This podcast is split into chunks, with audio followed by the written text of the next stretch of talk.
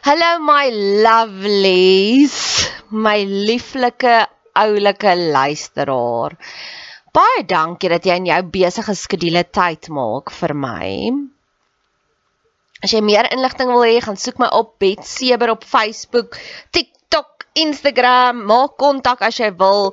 Ek hou daarvan om van my luisteraars te hoor en ek het nou onlangs 'n kort videoetjie gemaak van een van my luisteraars hoe sy die mooiste terugvoer gegee het. So wie weet, dalk gebruik ek jou terugvoer ook iewers as 'n leergeleentheid. Net nog 'n bedelaars gedeeltetjie. Ehm um, ek probeer nou om op radiostasies te kom. Soveel mense sê vir my hulle dink dis die pad vorentoe en ek dink dit ook persoonlik. So ek wil iewers graag my eie radioprogram wil hê met hierdie boodskappe van hoop. So luister hierna en as jy voel meer mense moet dalk hiervan hoor, ehm um, ag, doen my 'n guns en stuur dit vir 'n radiostasie. Sê jy luister na hierdie podcast of potgooi en dit inspireer jou so en jy dink ek sal 'n aanwins wees vir hulle. Ek sien in Pretoria gebaseer, so as dit 'n Pretoria Gauteng se radiostasie is, nog beter. So, Jesus sê mos jy het nie want jy vra nie, so nou vra ek. Ek het nog 'n uitnodiging wat ek graag aan jou wil voorlê vir die volgende 15 kommentare wat ek kry. Positiewe, uplifting, persoonlike kommentare. So moenie net sê jy het lekker geluister nie. Sê vir my hierdie gedeelte was wat vir jou aangeraak het. Vir die eerste 15 wat 'n kommentaar lewer, sal ek sal ek met jou kontak maak en ek sal 'n podcast net vir jou maak. Ons kan gesels oor 'n probleem in jou lewe, ons kan gesels oor jou drome, ons kan gesels as jy getuienis het, wat ook al. Ons kan 'n onderhoud voer of ek kan dit 'n podcast opdra na jou toe. Ons kan dit anoniem hou of jy kan jou naam noem net soos wat dit jou pas. Jy is welkom om kommentaar te lewer hier op hierdie podcast kanaal, op ons Instagram, op Facebook, op TikTok, ek's oral. Ek sien uit daarna. Wat is kerk vir jou? Kerk, die kerk, die woordjie kerk in Grieks is ekklesia. En ekklesia is gemeenskap, community. Kerk. My vriendin, een van die mooiste mense en een van die grootste gelowiges, what would Jesus do? Sy doen dit perfek. Sy's 'n pragtige vrou. Sy's 'n gym bunny, so sy het 'n baie sexy lyfie, na twee kinders. Sy maak alles mooi. Sy sy droom daarvan toe haar kind verlede week aan die S nee nie eers aan die SA nie was nog groter. 'n internasionale hengelkompetisie eh, betrokke was.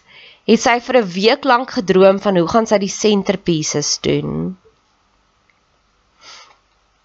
Sy is nie 'n breiniak nie sy hou nie van leer nie. Sy hou nie van akademia nie. Sy het so liggiese kompleks dat dalk is sy nie slim genoeg nie Een van die redes hoekom ek in selfs so liggies koppe gestamp het, want ek se mondhygiënis en sy het my die eendag gebel en gesê dis haar tandheelkundige probleem en ek het gesê dis wat fout is en sy het gesê nee. En sy was regtig kwaad vir my en ek was verkeerd. Ehm um, ja, ek was per ongeluk verkeerd, maar dit was 'n baie onwaarskynlike verkeer, nie dat ek my eie ego wil strook nie. Maar sy's sy het regtig seer gekry en sy was regtig offended in daai oomblik. Want ek het haar intelligensie aangeval en ek het vergeet dat dit is haar Achilles heel. Ek het gesê, "Wel, ek appelax of slimmer as jy. Ek weet beter wat in jou mond aangaan." Maar ons het vergeet en vergewe. En Saterdag en sy's regtig 'n goeie mamma. En Sondagoggend het hulle hierdie gesins meeting gehad. En hulle het haar man het mense oorgenooi. Sy was 'n goeie vrou vir haar man. Sy het onthaal, sy het die kos gemaak, sy het die kos beplan. Sy het aangebied om hierdie twee mense te gaan optel aan die ander kant van die stad Want die een is 'n ou tannie en die ander een is in 'n rolstoel. So sy het hulle het geweet dat hierdie twee weduwees, hierdie twee vrouens wat nie mans het nie, het 'n bietjie bederf nodig op 'n Sondagoggend. Sy het gesê, "Gaan gaan julle kerk toe, jy en die seun, ek weet julle wil kerk toe gaan." ek sal what would Jesus do uit my pad uit gaan om hierdie twee weduwee vrouens te gaan optel want die Bybel sê vir versorg die weduwees. Die man was ongemaklik daarmee want hy wou eintlik gehad het sy moes saam met hom in die kerk sit. En ek kan verstaan, sy hou nie van kerk nie. Nie dat sy dit ooit gesê het nie, sy gaan woon kerk by net uit pligheid, maar ek kan dink dit voel vir haar net soos nog 'n klaskamer en sy hou nie daarvan nie. Sy maak dinge mooi. Ek wil nie ding doen wat sy doen nie. Ek sal nie al die pad ry agter twee amper vreemdeling mense nie om hulle te gaan optel nie wat niks ware by my gaan toevoeg nie, maar ek love dit om preke te luister. En sy het al die pad soontoe gery en hulle gaan optel. In die oomblik by die kerk is daar 'n oomblik wat haar seun die ereplek kry in die kerk. Jy weet soos daai tipiese een waar Jesus sê gaan sit agter en as jy belangrik is sal jy vorentoe geroep word. Dit gebeur want sy is so 'n goeie mamma. Daai kind kry 'n ereplek in die kerk. Die hele gemeenskap ken vir almal, almal praat daaroor. Toe die familie by die huis kom, sê sy en hoe was kerk? En haar man sê vir haar heel vermaaklikheid, "Daar het iets fantasties gebeur, maar jy wil mos nie kerk toe gaan nie, so ek gaan nie vir jou sê nie." Sy kry so seer in daardie oomblik. Sy shame haarself weer. Want sy hou nie van kerk nie, want sy glo sy is nie slim nie en sy is eintlik baie slim. Die volgende dag gaan stap ons en iemand sê, "Wow, geluk oor haar seun." En sy sê, O, ek is bly jy sê vir my want ek het al seer gekry daaroor. Dit is my sleg want my man was lelik met my. Nee, kerk was nooit gemaak om te wees soos wat ons dit sien nie. Van sonoggend tussen 9 en 10 gaan sit jy en jy luister na teaching, jy sing 'n liedjie saam en jy gaan huis toe. Dit is godsdiens. Dis slawerny. Dis wette en sisteme. Dis juis waarteen Jesus geveg het. Jesus was bitter min in die sinagoges. 90% van sy bediening was daar waar die mense vis gevang het. Daar waar die mense kos gemaak het. Dit is wat Jesus gekom het om te doen. Hy het gesê hy gaan die tempel afbreek en die tempel is afgebreek want hy het gesê gaan uit. Dit wat my vriendin doen is meer kerk as wat haar man doen om te dink hy sit tussen 9 en 10 in die kerk.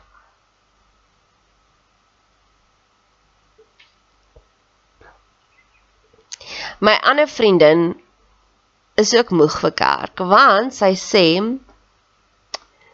soos wat dit is, sy sê sy en haar man is geestelik nie op dieselfde vlak nie. Sy hou van diep teaching. Sy wil hê sy wil sit soos 'n nerd voor in die kerk met haar notaboekie en die die die teacher of nou dominee, pastoor of wat ook al is, 'n rabbi, 'n guru moet meer weet as sy en dan love sy dit.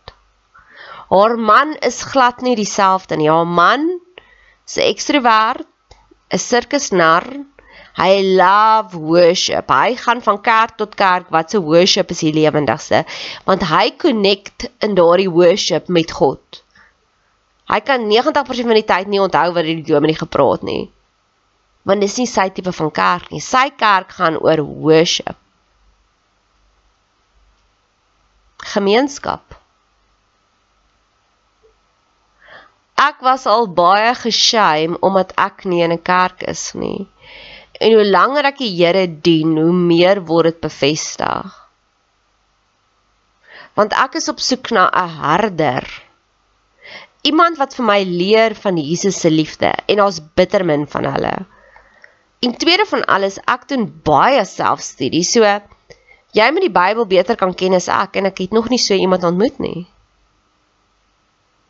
Daar's wel herders na wie ek opkyk, maar hulle is far and few between. 3, 4, daar's 4. En ek was al in baie kerke.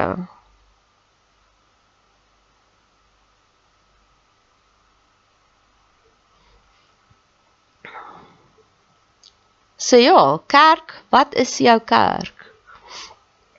Elke donderdagmiddag kom ons as 'n groep vriendinne bymekaar. Dis my kerk. Ons sit en ons breek brood saam. Ons bid vir mekaar, ons gee om vir mekaar, ons help mekaar, ons bring bakke lasagne as jy nie kan kos maak nie. Is dit 'n selgroep? Nee, want ons praat nie oor God nie, maar ons is lief vir God. Daai mense het my al meer geleer van onvoorwaardelike liefde as wat ek nog ooit in my enige lewe geleer ken het. My ander vriendin wat 'n diep denkende introwert is, gaan elke week na um yoga klasse toe en sy sê dis haar kerk. Want yoga beteken oneness.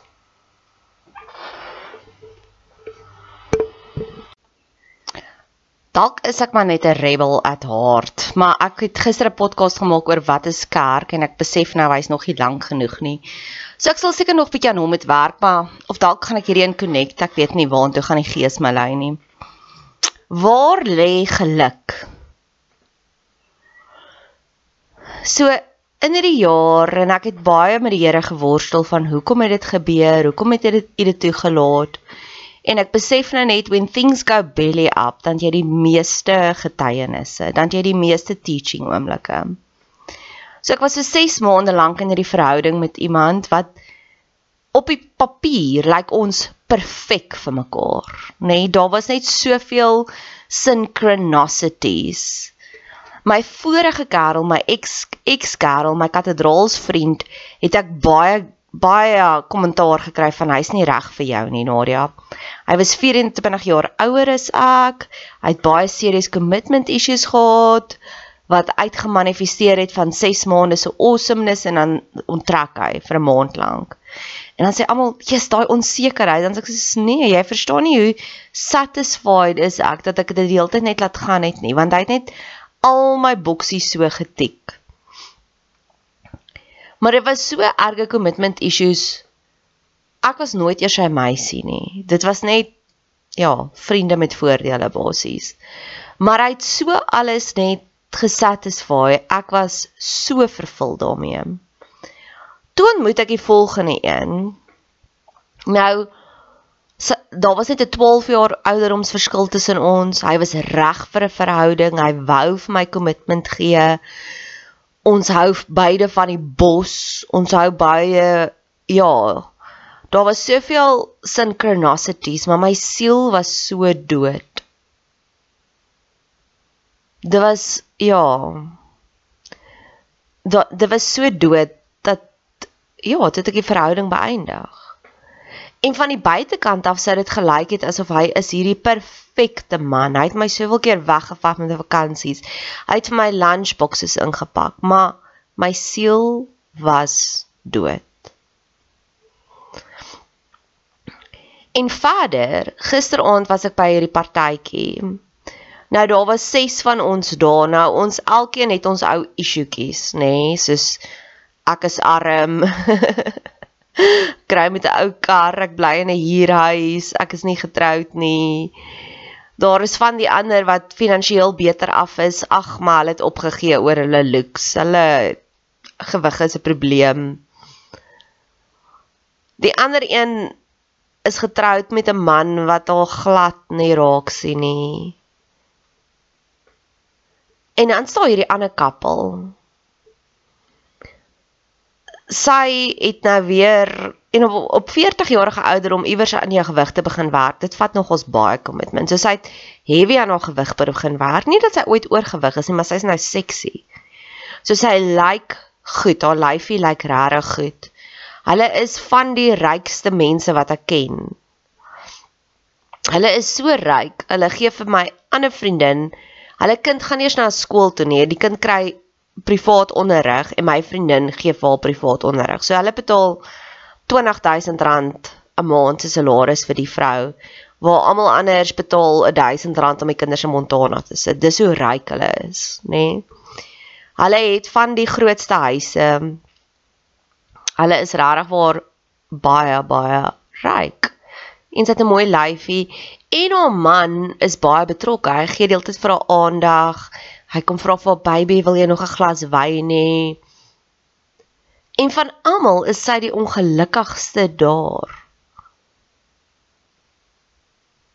So mense sal dink as jy hierdie sukses volg, troue ryk man, troue man wat regtig vir jou omgee, werk aan jou voorkoms, voel gemaklik in jou lyf, dan gaan jy geluk hê. En sy het dit nie. En die res van ons het baie meer geluk as wat sy het. Jy kan dit sien, jy kan dit voel, ons lewe, ons maak grappies, ons lag. Ja, hierdie gaan saam met die kerk in wees. En tesame met dit was daar gisteraand hierdie oomblik. Nou die ironie is, die een die juffrou wat vir hulle geld gee, haar man is nou weer baie ryk. So so hulle hulle is by sy's by proxy baie ryk. En dan sy en haar twee dogtertjies love dit om Shein shopping te doen en dan koop hulle soos die hele Shein leeg. En dan pas hulle nou haar dogtertjies is um graad 8 en graad 9 en hulle het regtig hulle is atlete. So hulle het baie mooi sexy lyfies. En dan van die klere wat hulle dan gekoop het en die klere waarvan hulle nie hou nie, kom gee hulle dit vir my. En ek love dit want dis vir my so cool. Dan ek sit hier met 'n previously loved toppie. En ek dog altyd dit is haar klere, die mamma se klere wat ek kry. En gisteraand toe kom groet die dogtertjie my en ek dog ons Jesus, jy's 'n ou sexy poppie. En sy sê, Tannie, ek hou van jou rokkie want dit is net een van hulle previously loved klere want dit is net vir my elke keer 'n avontuur om een van dit aan te trek om vir hulle te wys hoe baie waardeer ek dit. En ek sê jy het hierdie rokkie gekoop. Ja, sê sy. Dit sy het dit gekoop, maar sy het net nie baie daarvan gehou nie. en um en ek sê ek het daai oomblik. En ek besef in daai oomblik ek het dit waarna my ma gesmag het vir jare. Sy is nou al 11 jaar terug oorlede, maar sy het serieus hang-ups gehad met haar gewig. En sy was oorgewig. Sy was regtig oorgewig van 'n jong ouderdom af. En sy het die suksesresep gevolg van sy wou altyd 'n dokter getrou het, so haar man is 'n tandarts ja. So sy het die dokter getrou, sy wou X5 gery het, sy het die X5 gery, sy het 3 kinders gehad, drie toppresteerder kindertjies, groot huis, aansien, status. Maar sy was altyd so ongelukkig oor haar gewig. Dit was regtig waar, dit was 'n oorheersende tema topik in haar lewe. En ek en my skoonsussie het eendag daaroor geproteseer. Ek, ek het haar baie jammer gekry want kos het haar lewe geroel. Ek kan onthou as sy in die kar geklim het, dan sy pakkie sweeties hier langs die kant gehad en dan sy dit sy kon nie in die kar ry sonder om te eet nie. En ek eet letterlik net uit met saaklikheid uit. ek so occasional eater. En ek het hierdie oomblik van dan dit 6 dogtertjie, graad 8 dogtertjie het klere vir haar gekoop op Shein en sy hou nie daarvan en dan gee sy dit vir my. Waar lê geluk?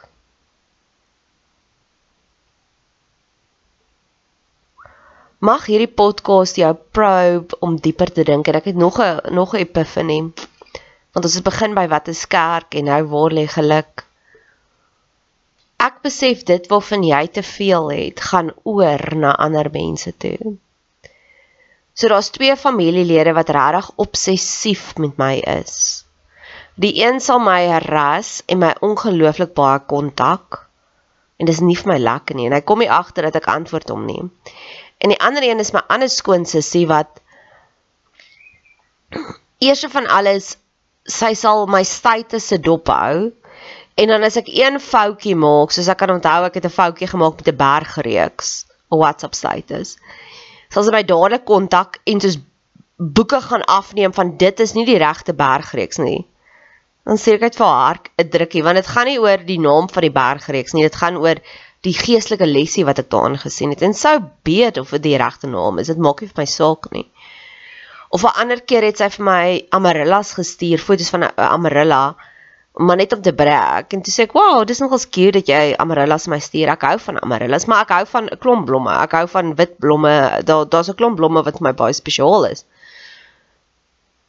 En ehm um, sy sê ja, ek weet amarellas is jou favourite want jy het jare terug dit op die groepie gesit. Dis ek is Okay, ek weet ek amarella is een van my maar dit is nie dit is nie my favourite nie, maar later het ek vir my vriendinne gesê dit voel vir my asof sy obsessief is met my.